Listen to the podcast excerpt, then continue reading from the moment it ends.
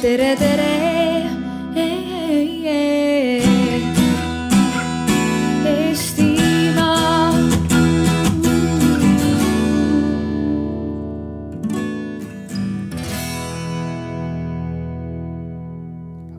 So hello. Uh, welcome to the to the nice summer of Estonia. we are now in year 2018, but we are going to talk about uh, 2024, which is a long way to go. But uh, time flies fast, so uh, it's quite uh, quite an appropriate uh, time frame to talk uh, about the future. We're going to talk about European culture capitals, about the culture capitals in uh, 2004, uh, mm, and we are going to talk about more widely, not just the ones, uh, just the, the cities uh, in Estonia, Narva and, and Tartu, or Kuressaare, or maybe also Pärnu, or maybe, I don't know, maybe Paide, I don't know. So, uh, different cities who are competing uh, and doing their bidding at the moment. Uh, but we're also going to talk about it more widely, uh, and we for this we have guests here, international also. So let's get going. Uh, who we have here is uh, Berk Vaher from uh, Tartu, Hello, nice to meet you. uh, Suvi from uh, from Turku, Hello. from Tu- Tur- Turku 2011. Yes, exactly. the same year as um, as Tallinn was culture capital. Then uh, from Narva we have Helen, Thank you. and from I've never been introduced that I'm from Narva, but thank it's okay. It's, uh, you. From the Narva team. do you live in Narva? Uh, one, one day a week, Okay. yes. Uh, and if from uh, Vamor, who's from Denmark. Uh, but uh, I will now ask uh, every uh, panelist to give a short, uh, just really short background as to what is your background uh, was, your background before you joined the culture capital initiative in, in the respective uh, cities and um, and uh, and how, how you ended up doing it or doing doing it now or back then. Berk. Okay, thank you. Well, I'm actually the um, the head of the Tartu department of Estonian uh, Writers Union, uh, and uh, have some uh, 20 years background in cultural management, various kinds of festivals. Uh, underground events, uh, literary festivals, music festivals, and uh, I also wrote the bid book for uh, Tartu 2011. Some people say it, was better than Tallinn's. Uh, but anyway, I ended up in the Creative Council of Tallinn uh, uh, 2011, so um, I'm, I'm kind of uh, happy with whatever succeeded there a- as well. At least now we have, uh, as a country, that kind of experience of running an ECOC. And um I guess it was the, the logical order of things that I also ended up uh, uh, editing the bid book for uh, Tartu 2024. Suvi, how about you? Yes, well, um, by now I have something like 20 years uh, experience on different management positions on culture and event field. Uh, I started my 10 years marriage with European Capital of Culture in Turku in 2004. Uh, I was responsible first for the bidding phase. We had seven cities in Finland competing. And uh, then, when the realization phase started in 2008, after Turku was nominated, um, I was the program director, so responsible for the program of the European Capital of Culture. And prior to that, I was already working in the culture field, so I had. Um, I was working for an employment and marketing project called Arsnet, uh, online marketing for culture uh, entrepreneurs and artists. And uh, I also was the first managing director of, of International Animation Film Festival in Turku in 2001. And I also have a background in as a violin player. And now my latest job after Culture Capital, this long marriage with Culture Capital, was then um, the program manager of Finland 100 last year. Helen. Hi, I'm Helen. Um, I am um, fortunate and honored to be part of the Narva Capital of Culture. Oh, I'm actually sitting on my microphone. Sorry. Uh, uh, proud to be part of the Narva team. Uh, originally, I am from Tallinn. Uh, I'm happy that actually from Narva there are several team members here as well. Victoria and Georgi there are from uh, Narva City, uh, and Ivan Sergeyev from the Narva team as well. so we have a combined team. There is. Um, uh, that we we have we are lucky to work with Narva. But my background is that I um, I have been in music industry. Um, since I was 20, um, I started my own company and a festival called Tallinn Music Week. Uh, that was part of the uh, one of the flagship events when Tallinn was the capital of culture in 2011. So I kind of um, was part of the process as being a cultural entrepreneur. Uh, and we kicked off the festival in 2009. So we were sort of able to develop the festival for three years, uh, sort of uh, building up to the capital of culture year. So um, uh, in, in, that sense, I am familiar with this process from that angle. But um, as uh, for running a festival like Tallinn Music Week, uh, some of the key words for me have always been in sort of cultural entrepreneurship and internationalization, and uh, perhaps uh, international marketing for a country and a city through cultural brands. Um, and now, uh, the background of how uh, I perhaps ended up with Narva is that we always had with our dream in the team of Tallinn Music Week, we wanted to set up a festival in Narva, and we've had very many good partners from on in Russia as well, and especially in St. Petersburg. So Narva was in our radar uh, for a long time already. Uh, so once it was clear that uh, there is this capital of culture round coming up again, so it, it seemed like a natural step. Thanks. How about you? How, what's, uh, how did you uh, end up in, uh, in culture capital Aarhus? Well, um, when um, uh, when it was decided in 2006 that uh, Denmark should host the event in 2017, I was the head of the cultural department of the city of Aarhus. And it was uh, not a very big discussion in Aarhus that we had to go for this title. Copenhagen had it in 96. So we thought it was now our turn. Uh, and it uh, we provided the the background material for the city council to decide on on, the, on bidding, and 31 out of our 31 city councillors voted for this decision. Um, what they couldn't really agree upon was who should be responsible for the bidding process. Uh, some uh, parties uh, felt that it, it, ought to be the tourism organization or the festival organization. Uh, but the majority decided that it should be uh, the cultural department, so it would be the city of Aarhus who is responsible for this uh, bidding process. So the bidding team was built up in the cultural department and worked from 2008 till uh, 2012 or even 13 until we had the foundation who should deliver the, the uh, project. Uh, so um, I was kind of born into to this process after uh, uh, by having this position, uh, which I, I, became after having other management positions in cultural institutions in, in Aarhus. Uh, and what we have uh, really been keen on after uh, the foundation really started to work is to keep the close connection between the city and the foundation, which I think we succeeded in because now the foundation is really not there anymore. So the cities are back. The other thing that we really worked upon was to involve the whole region, which we also succeeded in. So now we have decided to continue this work under the uh, title of European culture, uh, European region of culture. Okay.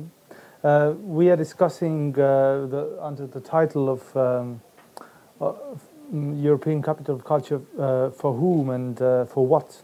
Um, what do you think? What uh, what is European cap, uh, Capital of Culture as a as a title, as a format, uh, good for? What can you do with it? And maybe also what you can certainly not do. What what is not realistic to hope to do with the European Capital of Culture? What kind of change is it possible to to realize? Maybe uh, Ip and Suvi, maybe Suvi, you having gone through you uh, through it already. Uh, well, in Turku, based on my experience, um, I still believe and think that as we have lots of experiences also from other cities, European Capital of Culture can really be a changing factor for, for a city. You need to be ambitious and bold to to and you need to want to change your city with with this year and with the process, but that's still possible.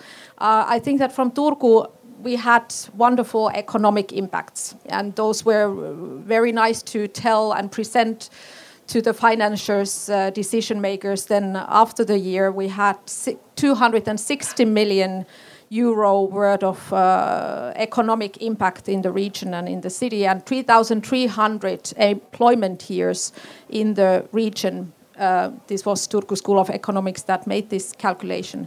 But despite of these things that you can count with numbers, uh, you can count numbers how many new tourists came to the city. I still think that the strongest um, thing or the, the biggest uh, thing that culture capital can change is, is more mental. Um, in Turku, at least, I would say that the strongest long term impact is cooperation. Uh, this whole process changed the way uh, completely that uh, people and organizations in Turku uh, were used to and are used to work. Uh, before this, this process, before this year, uh, unfortunately, I have to say that there was hardly any cooperation even between the culture sector and the health sector of the city of Turku. And as we kind of demanded and encouraged and, and supported mm-hmm. uh, cooperation to be, be a key element of every project uh, selected to the culture capital program, that became the new reality, that became the new way of doing things. And uh, um, at the moment, it's normal that even so called competing cultural organizations look for partnerships from each other and even go upon the uh, borders of different fields to do things together. And I think that that plus then things like uh, we statistically know that uh, most of the inhabitants of the city of Turku felt more proud of the city after this this year. They had more uh, positive uh, feeling of their own city. These are the things that really count in the long term, although the financial and countable uh, results are, of course, important as well. How do you feel? Like what, what is it good for? What can you do and what can you not achieve with it? Well, a lot of cities uh, use this opportunity to to uh, kind of improve their cultural uh, infrastructure. But we were so lucky that uh, I think our infrastructure uh, was already decided on or established, so we could uh, we could really concentrate on on reaching new levels in terms of um, as you say, cooperation, but especially international cooperation. So I think almost 80% of the projects in 2017 had either international partners or international exchange in some to some degree.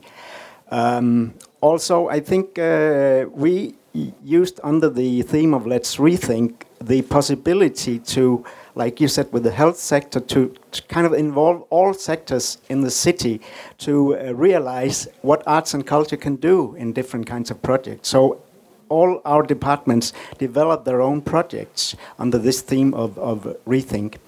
But there are a lot of other things like uh, building uh, competences and skills. Some of these, uh, especially the big institutions, thought that don't talk about us developing skills, that's impossible. We are on the highest level. After now they say we can do things that we never even imagined before we, we started this. So I think it has meant a lot to the cultural institutions and also in terms of audience development. We have seen big increases in uh, practically all cultural institutions over the whole region. Mm. So that's some of the, the reasons, and of course all these economic uh, figures. We could come back to them maybe.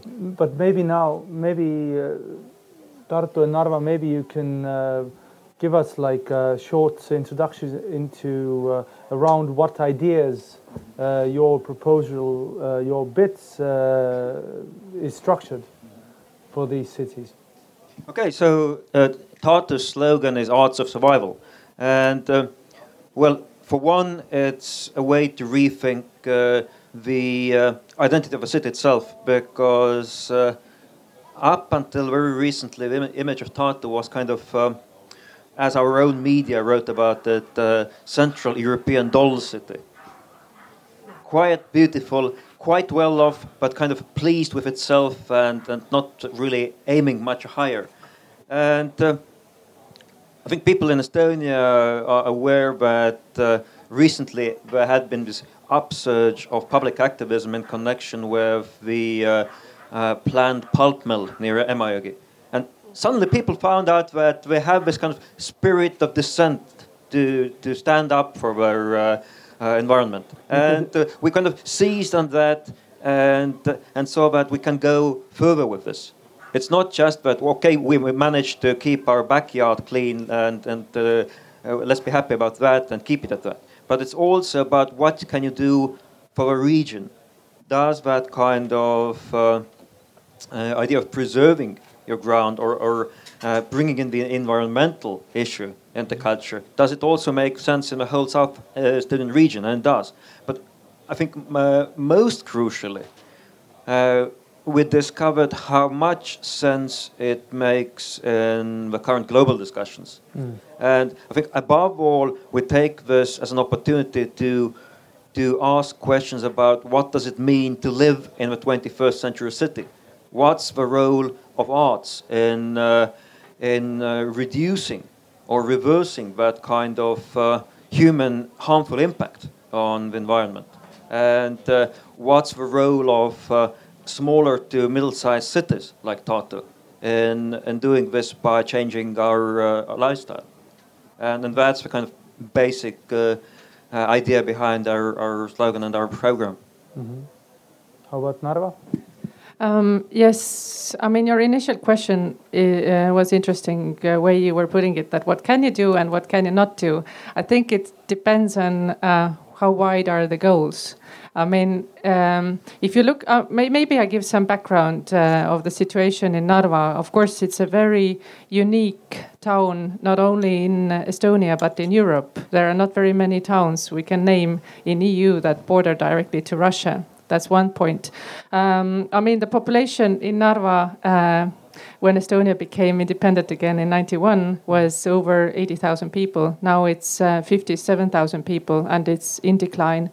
Um, and unemployment in that area, if Estonia the average is 5%, then uh, there it's uh, 12.4. So, I mean, there are very many structural challenges in not only in Narva but in the case of the whole eastern part of Estonia. Uh, one thing is also that it's uh, been based on big industries like textile industry and oil shale industry. So, I mean, if we're looking at uh, part of Estonia from that perspective, that is very sort of um, complicated international uh, sort of diplomacy and foreign affairs situations, uh, we need to discuss things to do with environment and uh, perhaps uh, entrepreneurship in general, um, new ways of finding a new sort of um, driving force for the economy itself. There are very, very many different challenges. Mm. And especially in a case like that, you really need to question yourself that, okay, what can uh, a process or a title like the capital of culture, you know, what kind of a role can that have? So, I mean, I, there's a lot of this kind of thinking that there are very sort of huge challenges and ambitious plans. And if we put the capital of culture title into uh, being a tool in a broader pro uh, process, mm -hmm. then it starts having a different type of a meaning as well. So I think uh, in the case of Narva, there's a lot of uh, looking at the Capital of Culture title as one of the tools in a much broader process. Mm -hmm. And I mean, collaboration was mentioned in here. I mean, uh, I think Narva could become an ultimate exercise for Estonia in terms of collaboration internationally, but also across all the sectors. I mean, can we really uh, show that um, culture and the creative sector could be a driving force for bringing together, let's say, uh, environmental, entrepreneurial, the tourist sector, uh, education, uh, social affairs. I mean, there, there are very, very many um, issues to tackle that. And of course, our project is aiming to tackle that. So if we kind of set ourselves a target or a sort of a vision for Narva, then um, we want Narva to be a border town with an open, diverse, and international cultural life. Uh, but we also want this to be a life worthy environment for the current inhabitants, but also for the potential future inhabitants and their kids and the youth. So, I mean, the, the, the targets and the goals can be as high as anybody's imagination for a future of a post industrial town, really. Maybe, uh, maybe Ip and, uh, and you can say, looking back, um, say from the perspective of the um, of just a person who's living in this city, what is it that uh, that remains? You, you were speaking about the institutions that the, the spirit of cooperation, or you know the the the uh, the mark how high you aim your skills to develop. But uh, this is the institutions, the cultural institutions, your other institutions. But uh, what about the just normal citizen? Uh, what uh, can it change for this normal citizen? Yeah. Well, I will say that uh, a lot of the people in, in Aarhus have something remaining in their memories, and they say for maybe 20 years. And especially some of the really uh, big events like the opening uh, procession with almost 100,000 people in the streets, and, uh, but uh, also other cultural um, um, experiences that they didn't even think of having uh, before uh, before this because I think uh, the uh, the project made uh, people much more curious about uh, watching things and and maybe also it, it was a little bit easier. But the other thing is that a lot of people also. Um, were recruited as volunteers, almost 5,000 people, who now, um, many of them just uh, continue uh, in, in, uh, in, in uh, another organizational setting to be uh, like general volunteers, uh, volunteering one day for World Championships in sailing, which are now in, in, in Aarhus, the other day for a, a, an open air theatre performance, and the third day for um, hosting tourism coming in with cruise ships. So I think a lot of people have had personal experiences of being part of these uh, projects as volunteers or as uh, participants. Almost 6,000 uh, volunteers participated in the opening procession. So uh, uh, I, I think that these two things uh, are, are um, the memories of the uh, good experiences they had and their own uh, possibilities to be active. You, were, um, if I can ask another question, just um, um, you were mentioning the kind of slogans that that the cities have, that rethink and uh, Narva is next, right? Or Well, it's more of a hashtag, but yes. but what what's the slogan?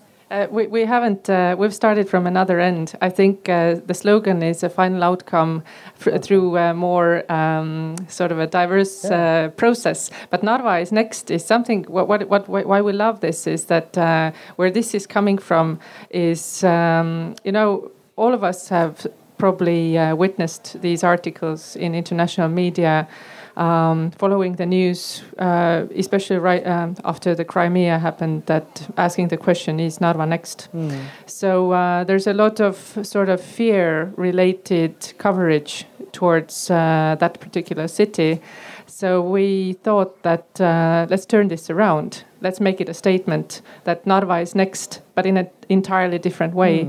Uh, it's sort of um, confidence building and uh, faith in uh, you know Narva being able to be something totally else. So for now it is Narva, Narva is next. Yes, Uh, but uh, say in Turku it's uh, Turku on fire, or somehow in in Turku, uh, uh, as in Finnish, Turku palaa, meaning also Turku is coming up again, and so on. In for Tartu Arts of Survival, so all, all the cities and also other cities have this kind of hashtag or, or, or punchline. Uh, and you were talking about the programs, so maybe we can talk about the uh, how you see the balance between uh, the program. Well, basically, well, I can say from my uh, experience, I used to work in Tallinn 2011 Culture Capital, running uh, or managing uh, interdisciplinary projects. And when I joined this uh, foundation, I used to think that Culture Capital is a culture program with a you know communication slight edge. And then uh, at the end, I thought it's more like a, of a of a communication program with a culture edge. So clearly, it's a question of balance. How do you see? Is it more a communication thing or a program thing? And also probably also relates to budgets. Finally, at the end, maybe Suvi. Yeah, well, I think both are definitely important. In Turku, um, culture and arts came first. That was clear. The content was in the core, and that was first. But we needed good co communication, good marketing to fulfill all the objectives that we had. And if we had a wonderful program, wonderful culture content, then what would it have been if we wouldn't have communicated it properly, both locally, nationally, and internationally? Uh, money wise, 65% of our 55 million euro budget was still used for the programming, for the content, and only only 16% for the communication and marketing, which I think is still a healthy budget for for marketing. Uh, but as uh, culture capital is is a lot about profile changes in the cities. It's a lot about uh, um, alluring people, inhabitants of the city, and tourists to see the city from a new perspective and and to also learn to enjoy new arts art forms and new culture forms that they never dared to touch or come close to before. Communication is essential and we had a I I would say that our in Turku our strategy for communication and marketing was was quite successful. It was a little bit humoristic, and it made uh, we had all over city uh, posters where where there were funny comments about culture and arts, um, even sometimes ironical, and that made that people felt that okay this is not something really scary this culture capital uh, maybe i dare to also go and, and, and attend an event and when they attended one event maybe an open door free event and thought that oh wow this is this is really wonderful then next time they, they dared to buy a ticket to a modern dance performance and enjoyed that as well. And I think that our statistics um, research then afterwards said that um, a lot of people uh, really experienced culture culture offering um, which they have never or art forms that they have never uh, experienced before and they liked it and they want to experience that again. So oh. i definitely say that there is not one without the other. But how about how do you see in tartu? It's is it more about uh, changing the uh, the city's profile or more about uh, changing what kind of culture takes place in tartu well, they're, uh, they are uh, so tightly interlinked that you, you can't dif differentiate it there. The whole process of uh, putting together the bid of Tartu has been largely, if not mostly, about communication. So by now we have had uh, uh, close to 350 meetings with different interest groups, different experts, different uh, people uh, from a city to find out for as wide range as possible. How do people imagine Tartu? What do they uh, dream of? What they are not secret, secretly satisfied with?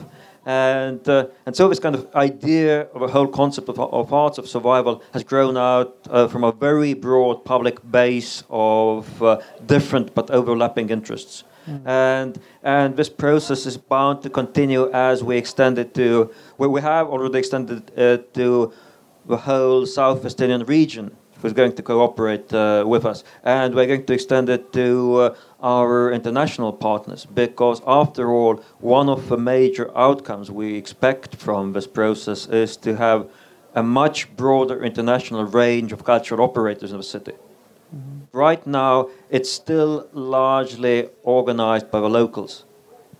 It's, it's a big thing if you're uh, if, if a landlord uh, in, the corner pub is an Italian, or if you have a sound manager in the club who's American, it shouldn't be such a such an exception. We need much more international. Uh, uh, active base of cultural organizers. Try try getting um, funding from Kultuurkapital if you're Dutch, for example. Yes, but it's the same with cultural uh, uh, cultural project uh, funding you have to have the Estonian ID card, you have to speak Estonian to uh, even apply for funding. But uh, I mean, that is largely about communication, finding out what people uh, see as uh, the shortcomings of the current situation, and then enlarging from that into possible solutions. And what we're trying to do now is to create environments for certain program lines and create the communication base for including as many operators as possible. But the program itself is largely already made by those people. It's, it's very significant that, that we use words like festival, or, uh, exhibition, or program only by default. What we really expect to happen is that uh, new people from different countries, new people from new generations, new people from uh, quarters uh, so far not so much connected with culture come in and start to organize events, start to create venues we can't even think of right now. But what about Narva? Is it is it? Uh, I mean, there is you, you laid out uh, how uh, how problematic it is. Is it then more about the city profile for Narva, uh, the communication part, or more the program part? so? Um, well, of course, the key element I think in everything is sort of uh, uplifting or building the confidence of the citizens. And uh, it's also about perception. How do the locals themselves perceive uh, their city and the whole region? And how does everybody else perceive this city? And I think, uh, especially in the case of Narva, there has to be a lot of, you know, kind of an upgrade in this level of faith. What can we do? Um, and that is always about communication and perhaps uh, we can say storytelling. There's a lot of this kind of like finding these angles of storytelling. That there is, I mean, there's layer. Narva. Somebody said, I think Maris from our team said this beautiful story that uh, you know when you look at Narva, it's a bit like. Um, uh, ma- many of us, I can see, were yesterday at the premiere of the Kremli ööbikud in Narva in the old uh, 19th sectu- uh, century factory called Krenholm, which is huge 300,000 uh, square meters of an industrial space right next to Russia. And uh, you go into these rooms, and there are these layers of paint kind of peeling off from each other. So in Narva, in the case of Narva, you know, the closer you look, the more layers you see. It's like this, everybody, but I mean, the cultural richness. I mean, something I didn't mention, which is crucial to know about Narva, is it's. Um, 94% Russian spoken. Uh, so Estonian language, in the case of Narva, is a minority language actually, which is quite interesting. Uh, so there is a lot of this storytelling and confidence building that needs to happen.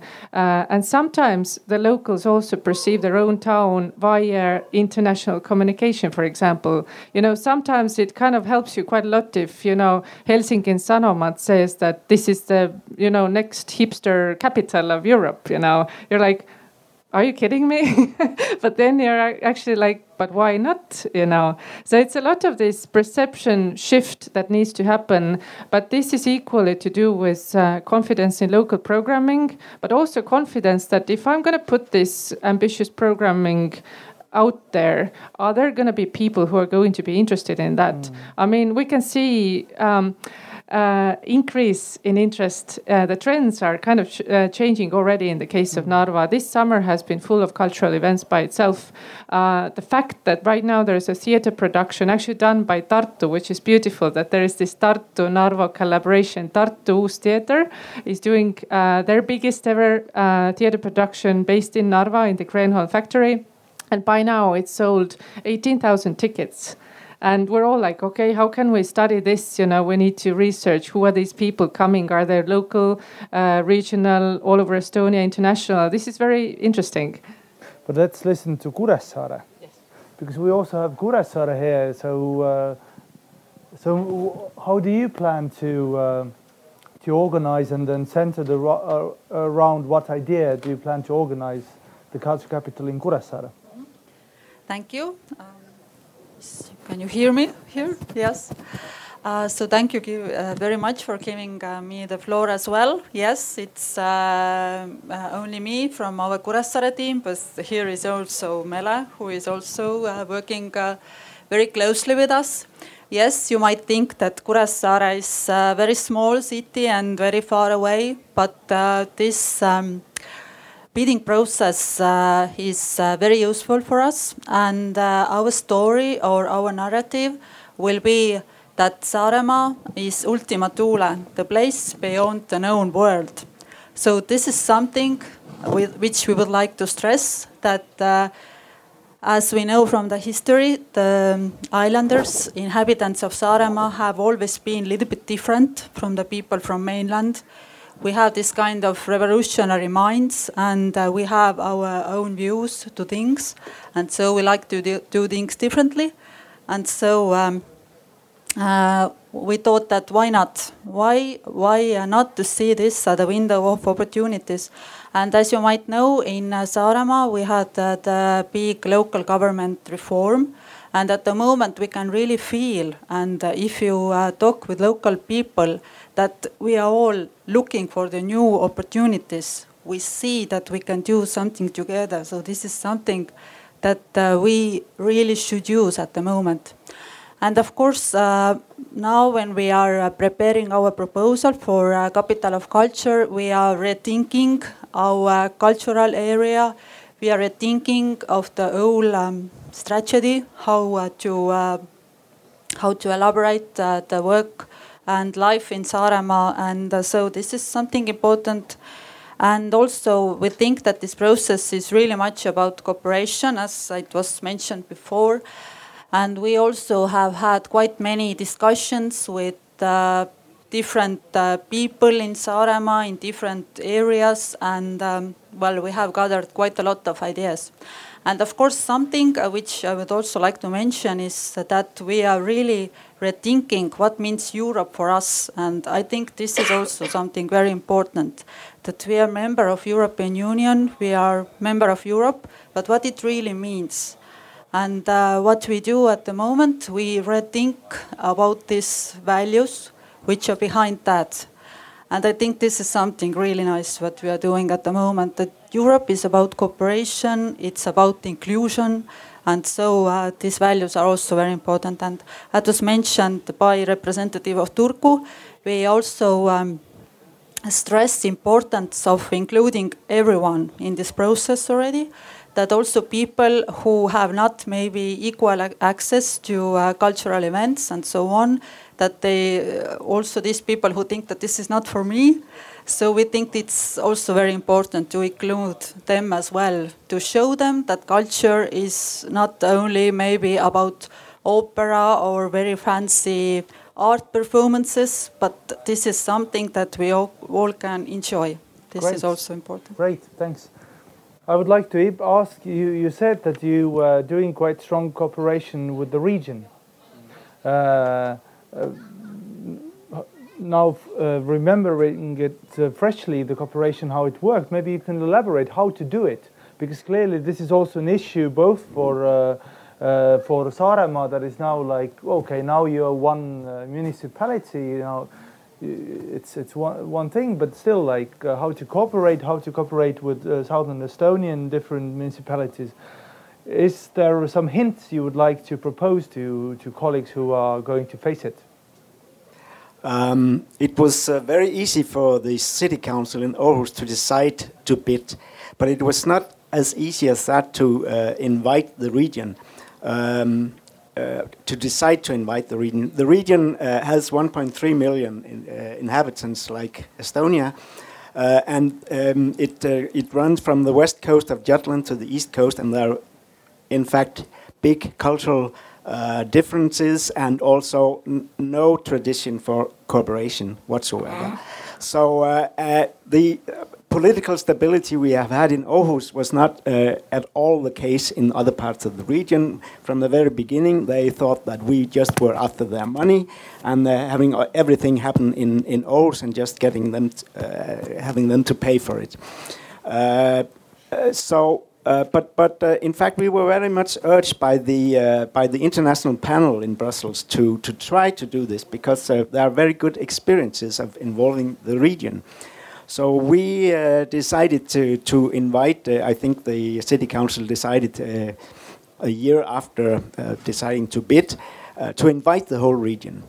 Um, and uh, one hint I could give is uh, uh, it, it can take some time. So, uh, so decide very early if you're going to do this or not. Uh, we ha had to, uh, because the region in, in, uh, in, in our case was not that popular in the municipalities. So we had to do maybe most of the work from the city of Aarhus ourselves to convince these cities to, uh, to, to go into it.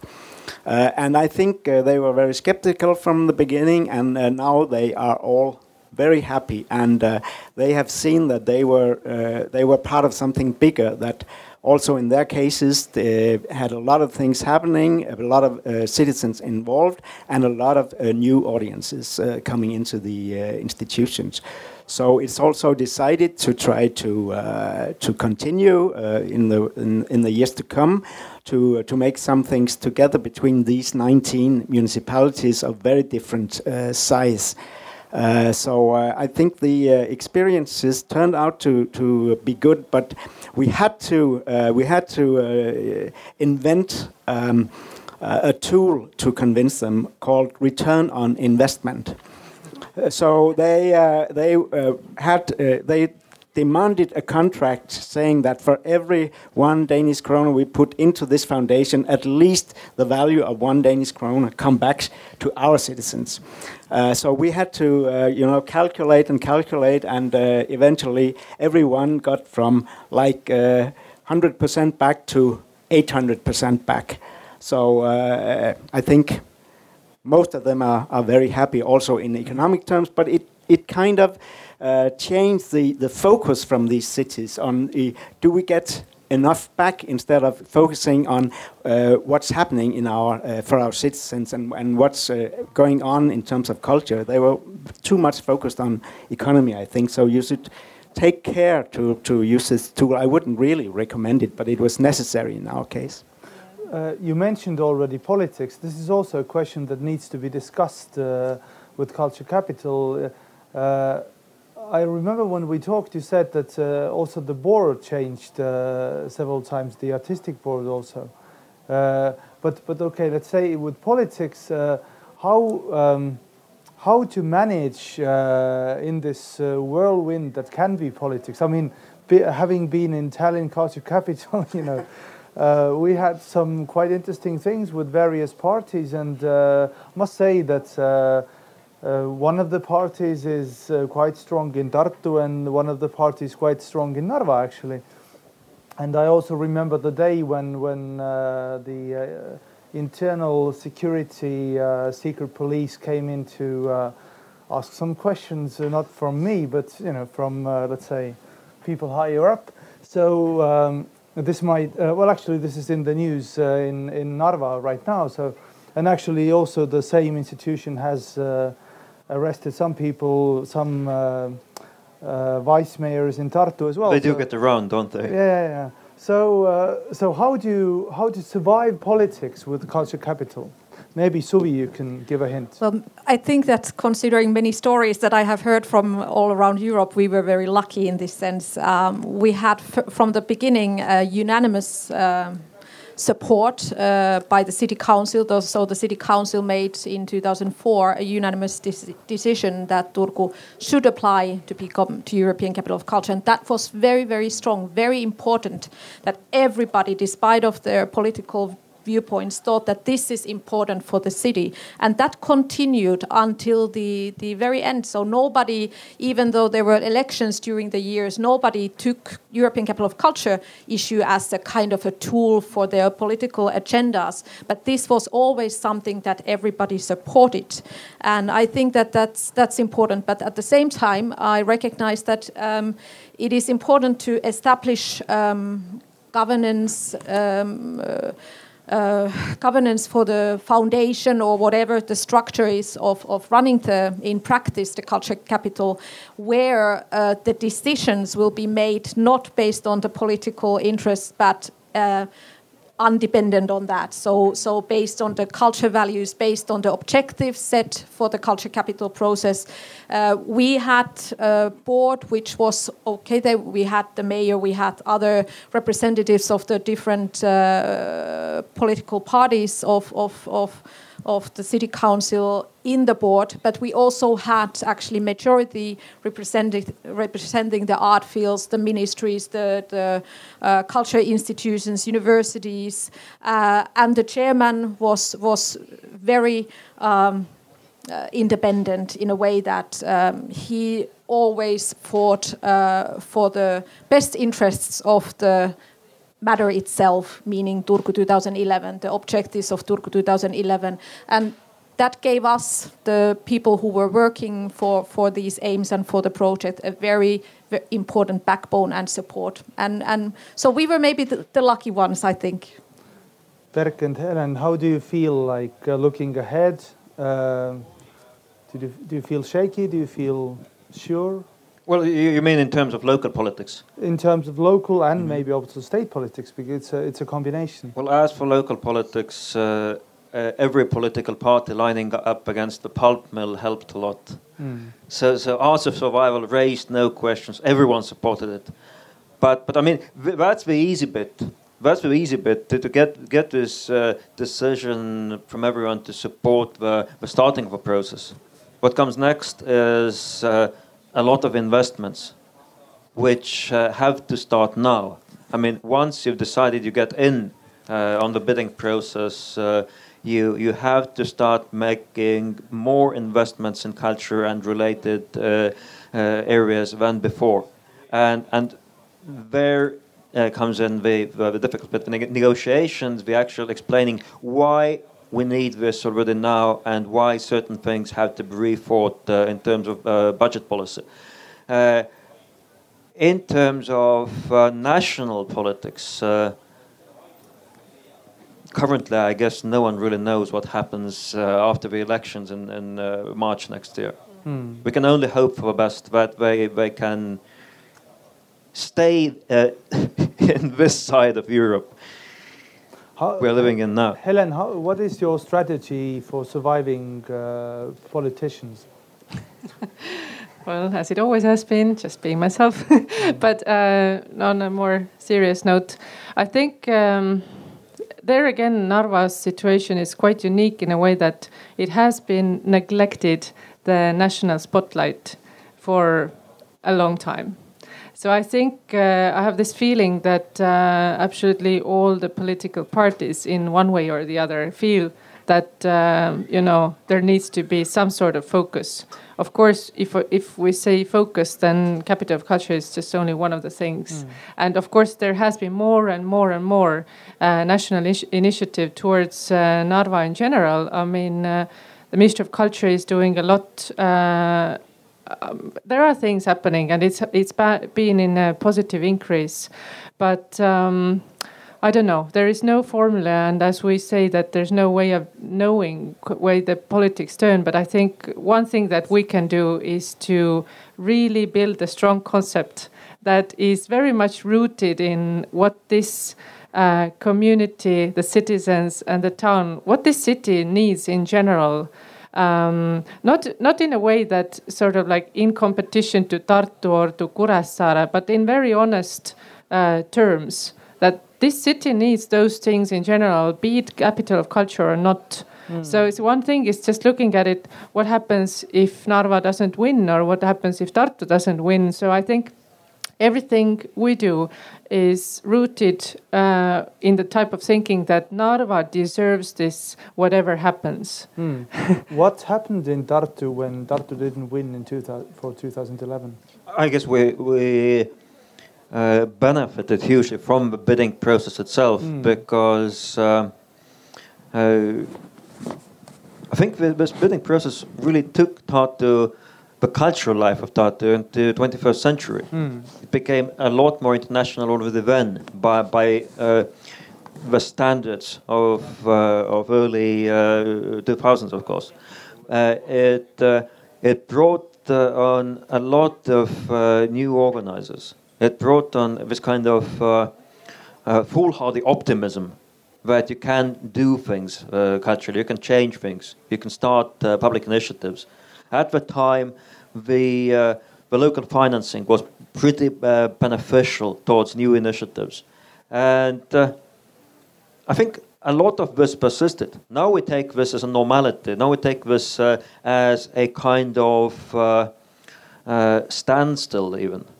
But at the time, it was a huge change. Hmm maybe it's uh, now slowly time to ask questions from the audience. Usually, uh, people spring up right away in Estonia asking questions, uh, so you have to kick them away. But not today for some reason. So, um, okay, this is just for the warm up, so you can start thinking. Well, we still have half an hour, more or less. Um, and I'll ask a question maybe that is um, part of the, uh, the, the other important part of the, of the title of this uh, discussion, and namely the uh, for whom. You know, uh, uh, uh how do you uh, engage local um, local local people, meaning local actors, but also meaning local local just local citizens, and also the question when. Mm -hmm. When do you engage them? Uh, uh, so maybe maybe if you have some suggestions uh, or some just recollections on how you did it. Well, I think uh, it's very important to have a, a, a very broad uh, participation from from uh, citizens, um, from cultural institutions, so on, uh, during the bidding process. Mm. So we had uh, quite a lot of project development as part of the bidding process, so that when uh, we got the title, of course, any uh, art artistic or program manager had to be kind of loyal to this uh, bidding, uh, to this bid, because that was the reason we got the title, we think. Uh, so and and we had a, a quite a huge in, involvement. Our project manager for the bidding process, Trevor Davies, is used to do things like that, uh, and he involves. Uh, I, I thought you're crazy, you're involving all these people, but in some way he he managed to to make it a book, and. Um, I think uh, one of our challenges was that uh, some of the cultural environments or, or, some groups in the populations are, are very. It, it's uh, it's uh, impossible to involve them so long time before an event is going on.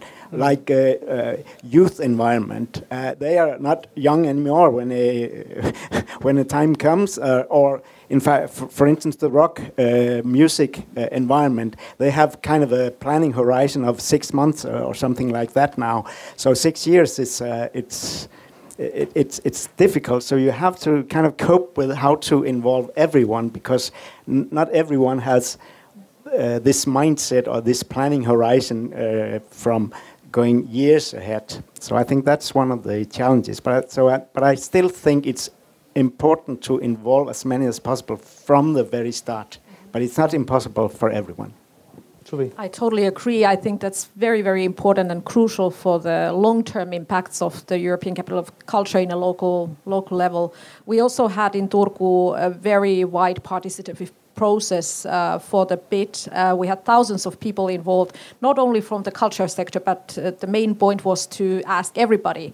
Um, culture artists, uh, universities, entrepreneurs, children what do you want from from your city what should culture capital and what could it bring to you what should it not be that was also a very very uh, popular question and easy easy to answer for many um, and I think that that was also one of the reasons that uh, if Turku would not have been selected as the European capital of culture, still this process of, of doing things and planning, visioning your city together uh, in, in wide groups would have already brought a lot of good for, for the future of the city. And I come back to this, this uh, issue of cooperation and, and new networks, which then at the end was one of the big results for the culture capital. Already then, many people said after workshops where a student, artist, uh, big uh, company leader, university professor were sitting in a workshop one day together planning, planning what culture capital should be, they said that, wow, this is really interesting to discuss with you. Can we do cooperation anyway with something else as well. And this is, is why participation and, and uh, in, including everybody with this is important. We also did one thing that many culture capitals have been um, having disappointments with, namely open calls. So when we, mm. we did the program, the program was consisting mainly of course, we had also some some uh, invited uh, projects and, and curated projects by ourselves, but most of the program was based on an open call. What's bad about it? Uh, in many culture capitals, there has been a lot of disappointment uh, in the results of uh, open calls. So Turku and I think maybe Tallinn was quite happy with the results as well. But uh, Turku definitely was very happy with that because we thought that this is the only way to do thing, uh, construct a, a program in a democracy like Finland, at, at, least we, we felt that the openness of this process, everybody's equal on the same level and, and the criteria are clear and open. That was the way to, to make it also everybody's project. Uh, if you had the same opportunity to uh, apply for the funding, apply to the program as anybody else, there was no complaint complaints that, uh, well, why did you invite him but not me? Mm. Uh, and, and therefore, I think this was, uh, for us at least, we felt that this was a very, very good. Uh, of course, we had negotiations then, and, and um, one thing which is um, um, I want to add is also how to keep the balance between the local artist and the local field and the ones who come from other institutions in the country and elsewhere in the world, the artists who, who come from other parts of Europe. Um, I think one of the important things of capitals of culture is is to uh, be able to open the, the culture field also for national artists and institutions and international artists and institutions but we at least had a condition. Anybody could apply from anywhere from the world to, to get the funding and to be part of the European Capital of Culture. But there was a condition. You always needed then uh, eventually to find a partner from Turku. Uh, uh, so that was the way to ensure that there was not not one single project where just the external group would come in and then leave after the culture capital year and it would just say as a nice memory we once experienced, but always there would be some capacity building or experiences left also in the local uh, artistic but let me ask Helen, you, uh, I read that you said at the uh, the launch of the of the bidding in in Narva that uh, in a way Narva is like uh, Russian-speaking Europe. I mean, it's not in even in a way it is Russian-speaking Europe. Yes and you said in this context that there should be better cultural ties with Russia. Uh, can you elaborate on this and, and uh, what you think is possible to do? Yeah, there are several things to. I just wanted to comment as well that it's a great idea. Like Turku did that. If you bring in international or, or national productions to kind of tie this in with uh, local uh, managements and artists and, and, the community. I mean, we're doing this, for example, right now. We're, we're set up a festival in Narva called Station Narva, and uh, we have an equal, even a bigger team there on spot in Narva than we have our own team in Tallinn, and and we see already that, of course. It it makes the process, um, in a way, there are more challenges in the process. It's always easy to jump in your team and you know do like you always do, but that's not the point. So, but we, we see already that that's the only way to go there. In the case of Narva. I mean, it's interesting as well to look at the background because it's a city that comes from the industrial past. People are used to, you know, being employed by somebody. So there's not uh, a lot of this initiative taking um, historically. Even there is this um, Narva initiated discussion uh, brand called Bazaar. They're initiating a lot of discussions. The next one is actually titled "Why is Narva passive?" So there is a lot of these uh, challenges in how do we include the citizens. But what is really important, uh, interesting to see right now how motivated the youth are, um, and and especially. But, but, but, there's not much of youth in Narva. Well, there there still are, and they're very motivated because you know they don't have it. You know, it was quite beautiful actually. Um, an Estonian uh, politician, Yana Toom, in fact, mm.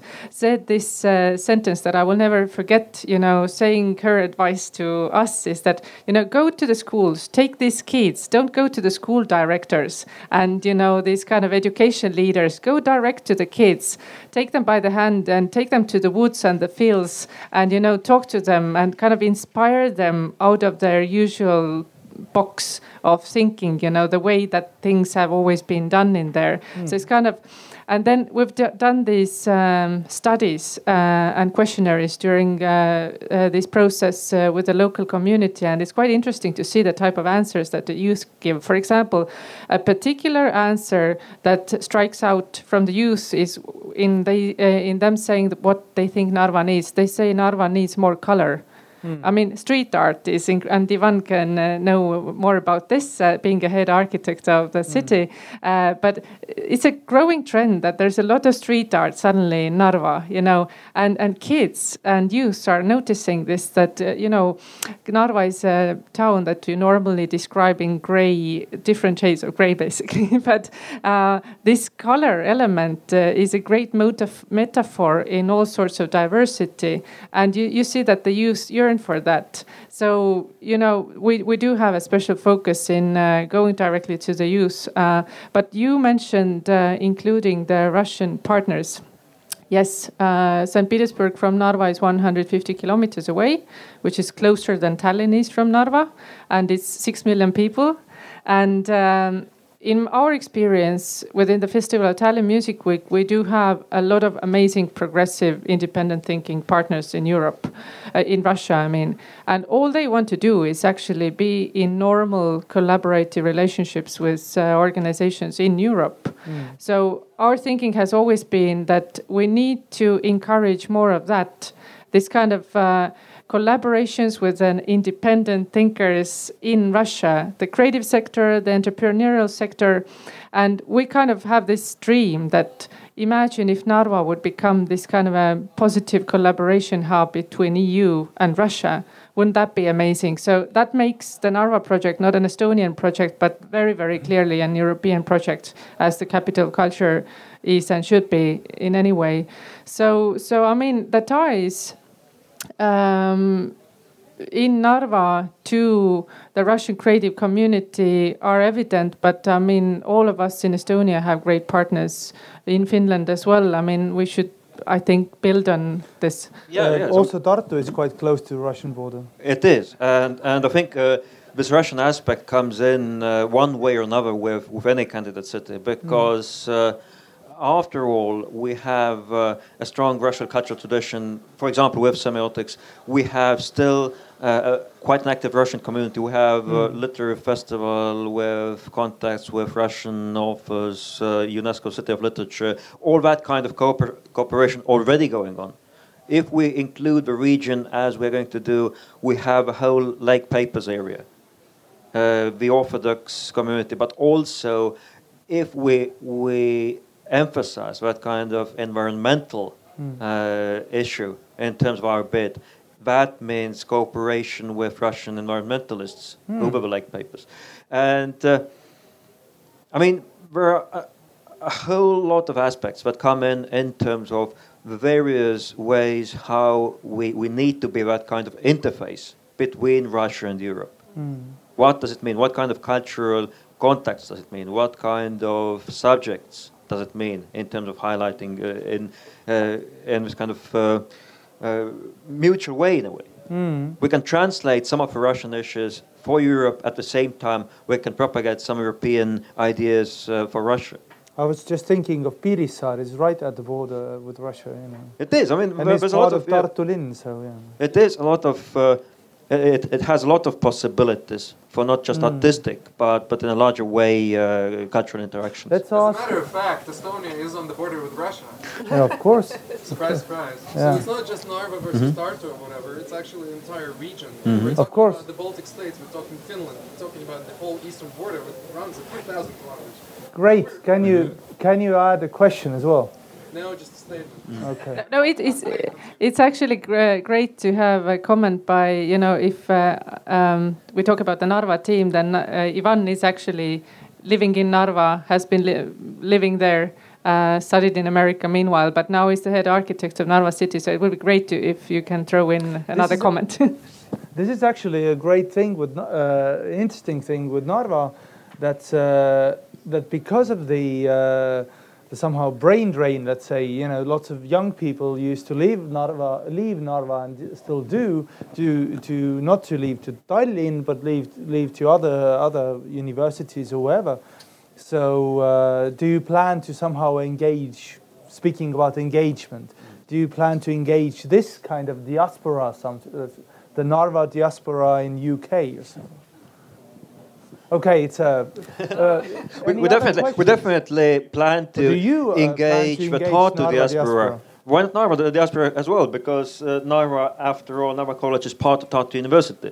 But oh, yeah, uh, right, yeah. but I mean, it's it's a major uh, thing in terms of our bid that uh, we have uh, also a kind of brain drain. People going away to to study elsewhere, to work elsewhere.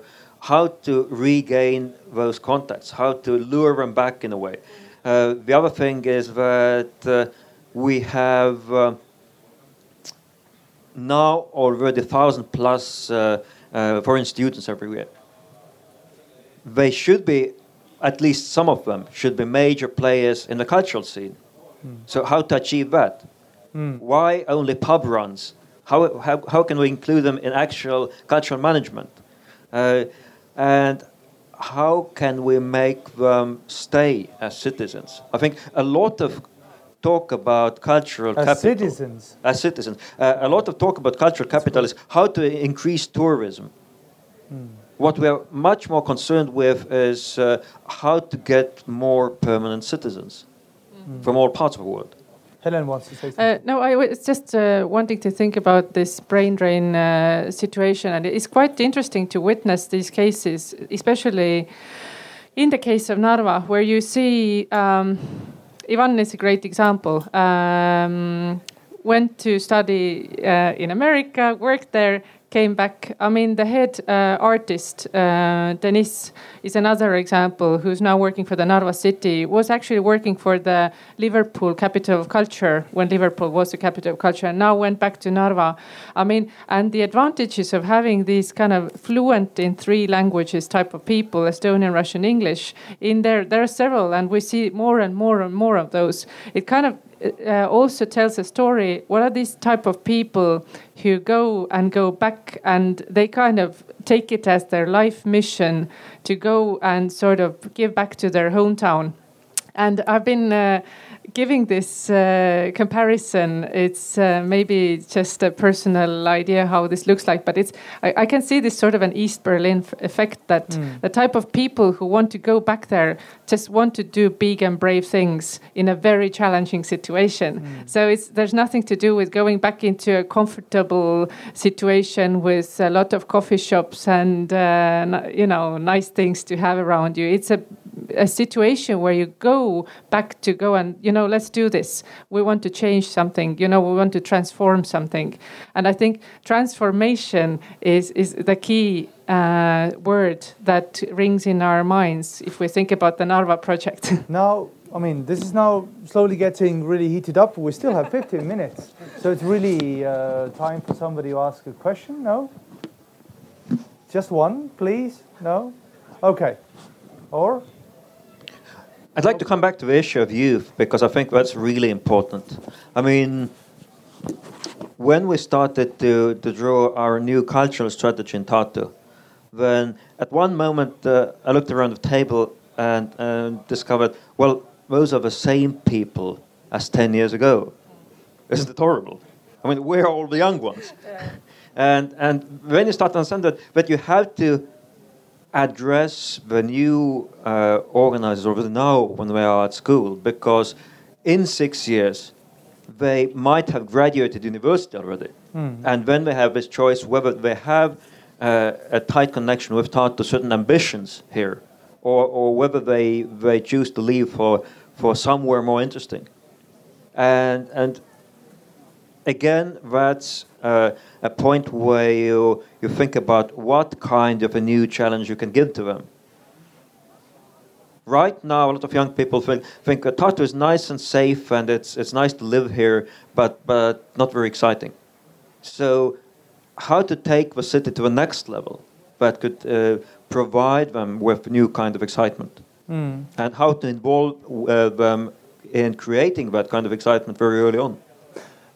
If you said before that uh, it's uh, really important to get all the uh, the institutions uh, uh, on board, basically as early as possible.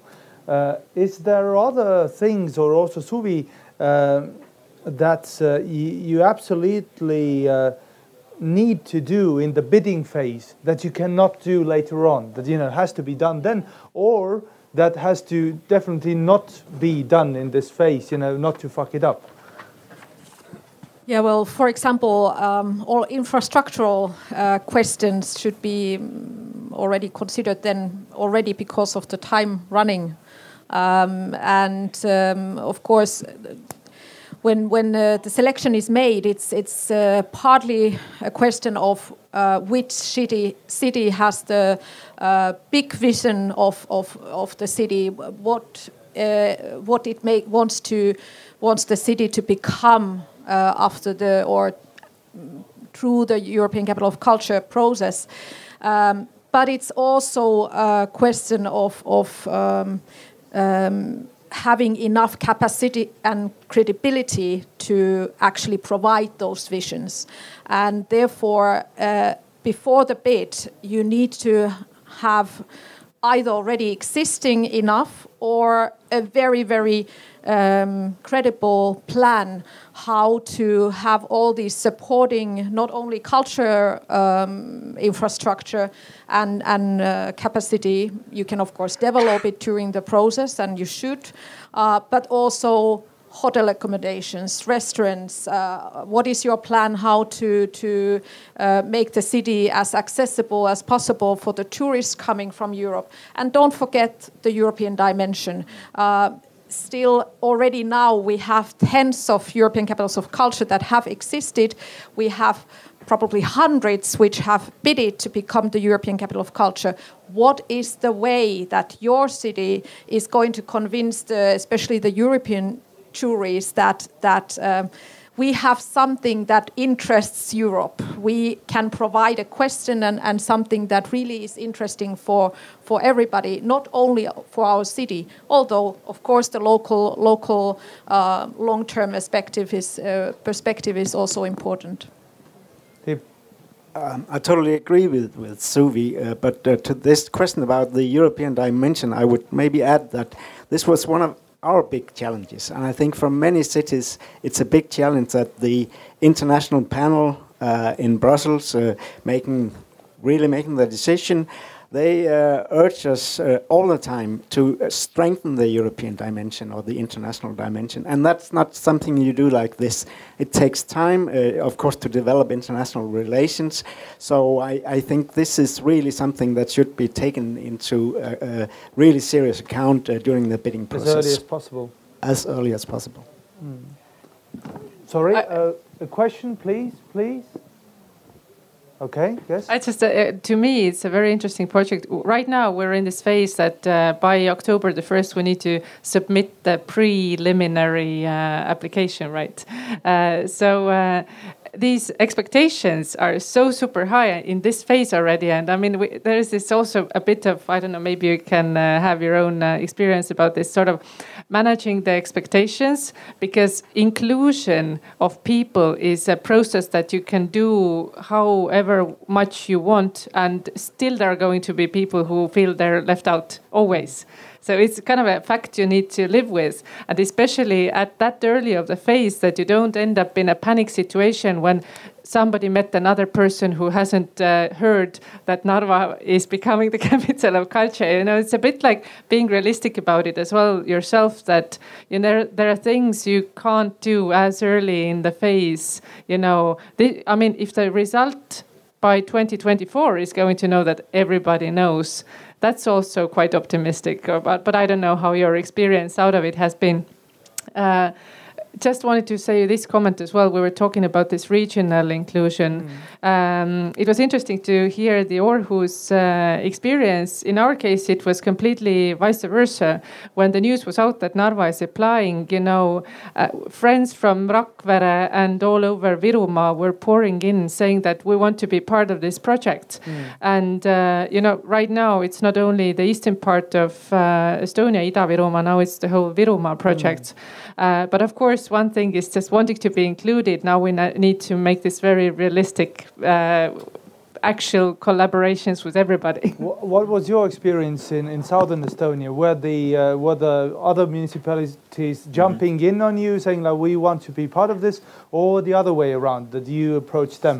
It came very naturally because already uh, when bidding for uh, 2011, we had uh, southern Estonia on the board, and uh, I think uh, a lot of them expected uh, us to, to include them again. And I mean, Tartu has been advertising itself as a kind of capital of southern Estonia, but now especially we have to figure out what it actually means. I mean, there's a whole a lot of responsibility to be taken. If you if you look at the processes in southern Estonia right now, where uh, smaller hospitals are being closed down and everything centralized in Tartu, then we are really expected to give something back. Mm. And the, the, other thing is that uh, after that kind of uh, public management reform, there's a, a, lot of confusion. I mean, people or, or, or smaller muni municipalities are uncertain about their identities. They don't even know uh, what their official foreign partners are right now. Mm. Because borders have been redrawn and they are kind of looking for, for certain kind of assistance and redefining their identities, mm. belonging into some kind of uh, a bigger alliance that would uh, promote them abroad. Mm. Uh, question? No? Okay, then I would like to ask about the infrastructure thing you, you brought up. Uh, uh, cultural infrastructure, okay, but, uh, but there's also re real infrastructure like accessibility. I mean, this was also the case in Tallinn. Uh, the question of direct flights uh, to Tallinn is quite problematic, but uh, uh but somehow it, uh, this is even more uh, of an issue in in Tartu and and also actually in all of these cities. is this an issue that you feel you? Is there something that can be done or that you did to somehow enhance this? To talk to like the uh, flight companies or train companies or or or it, I mean there's technically there's even an airport in Narva. Uh, so and there and there is uh, there is certainly an airport in Tartu, but not much flights going on. So uh, so how, what can be done? What can be expected to be done in this? And, and how field? did the title change it? Did you get uh, uh, better connectivity already by acquiring the title? Uh, uh, we did not. It's uh, it's the standing discussion, and of course it was tried, uh, but but we have done this for the last 40 years, uh, and uh, this really didn't move so much. But it is as it is, and people are able to come if they want to. And um, I think uh, the one uh, which is not really accessibility, but the one thing uh, which really, where 2017 really meant something, was the huge increase in cruise ship uh, cruise ships coming in, mm. arising from like 10 a year to uh, more than 40. Okay. So we, you well, we had a pretty good situation to start with. the starting point was was rather good. We have um, every day several ferries between Stockholm and Turku, and we have an air airport uh, and and used to have still then planes uh, regularly from Stock, uh, from Stockholm and Copenhagen nowadays from Stockholm and Helsinki and then some from from other destinations like Riga. Um, and then, of course, two hours train from Helsinki. So, I mean, we had pretty good, but sure, during the process itself and then later on especially we we did negotiations to get for example later train uh, routes uh, tours uh, back to Helsinki for example after Mm. evening program things like this this is natural part of the development I want to make a comment. Uh, I, I, Short one, please. Yes. Um, for example, we need to think about the mobility issue in a in the context of innovation as well. Right now, we're talking about projects like Finest Bay Area, for example. You know, uniting Helsinki to Tallinn, which means that no, no people to Narva can navigate and to Tartu can navigate also from you know Helsinki. So these things are going to be changing dramatically in a decade. So into our application, I think we, sh- we should consider all of those aspects as well. What So happens to Tartu or Narva if you know Helsinki and Tallinn are going to be united by a railroad, basically? Yeah, so we need a hyperloop to, to Narva. Hyperloop to. Narva. And uh, right now, the, the great thing is that, for example, the statistics in terms of Elron, which is the national Yeah. train company, um, Narva is such a growth route. In 2018, uh, the travelers from Tallinn to Narva have been growing one, uh, 111. Uh, 111% within a year. So that's the growth trend towards Narva already, which means most likely there will be trains added.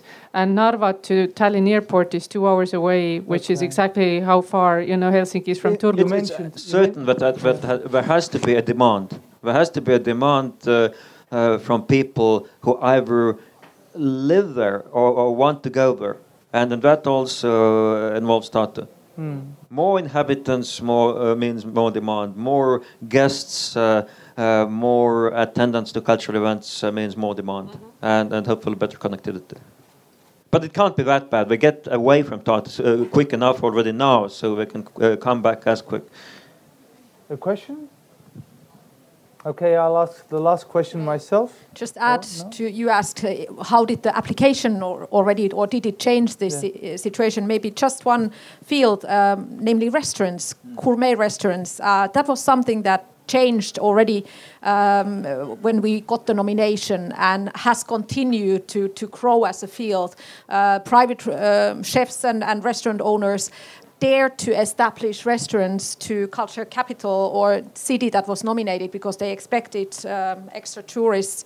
But uh, what is very, very happy and wonderful to see is that that has remained as an impact because uh, that was a year when when also the local inhabitants learned to use more public spaces, go to events and and go to restaurants uh, for good food and therefore that has been one of the long-term impacts I would say. Um, you, um, I would like to ask as a last question from Berk that uh, you wrote in in uh, in a newspaper in in spring an article where you were somehow trying to. Um, uh, pump energy into Tartu people, saying that uh, that all is not yet decided. That there is this feeling that everything is decided, and apparently decided for Narva. Uh, no, I mean this was what what the uh, what the what the article hinted at. Why is there such a feeling uh, in Tartu or maybe even in Kuressaare? I don't think it's it's there anymore. I mean, that was in the very early stages in the process where people were paying attention to uh, what happens in local media. And I think the, the awareness of how a process works has been uh, grown since then. And the awareness of uh, what actually matters is how good your bid is and how well you defend it and how credibly you defend it. And uh, I think it has to do uh, with uh, people being involved in the process and getting the idea that it depends on them as well, how, how well the, the result turns out. Okay, last words to Helen. Forty-five seconds. About what? uh, if I think if Narva is going to win or No, what? no, no, Just it's Uh, no, free I think topic. uh, seriously, I, I think i I'm really happy that now we have a competition of three right? Kuressaare is in it. So, so I, I am a believer in competition, making all the contestants better.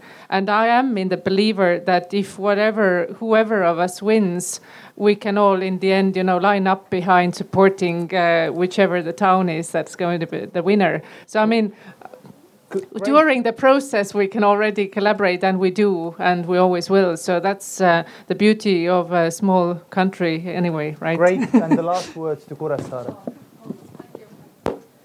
Uh, yes, I just also wanted to say the same actually that we will be uh, very happy on behalf also Tartu and Narva uh, if they will win. But of course, Kuressaare will have also very good bid and very good proposals. So, and it it's very nice to have this competition with uh, very strong cities. So we- we'll see. Thank you and applause for the panelists.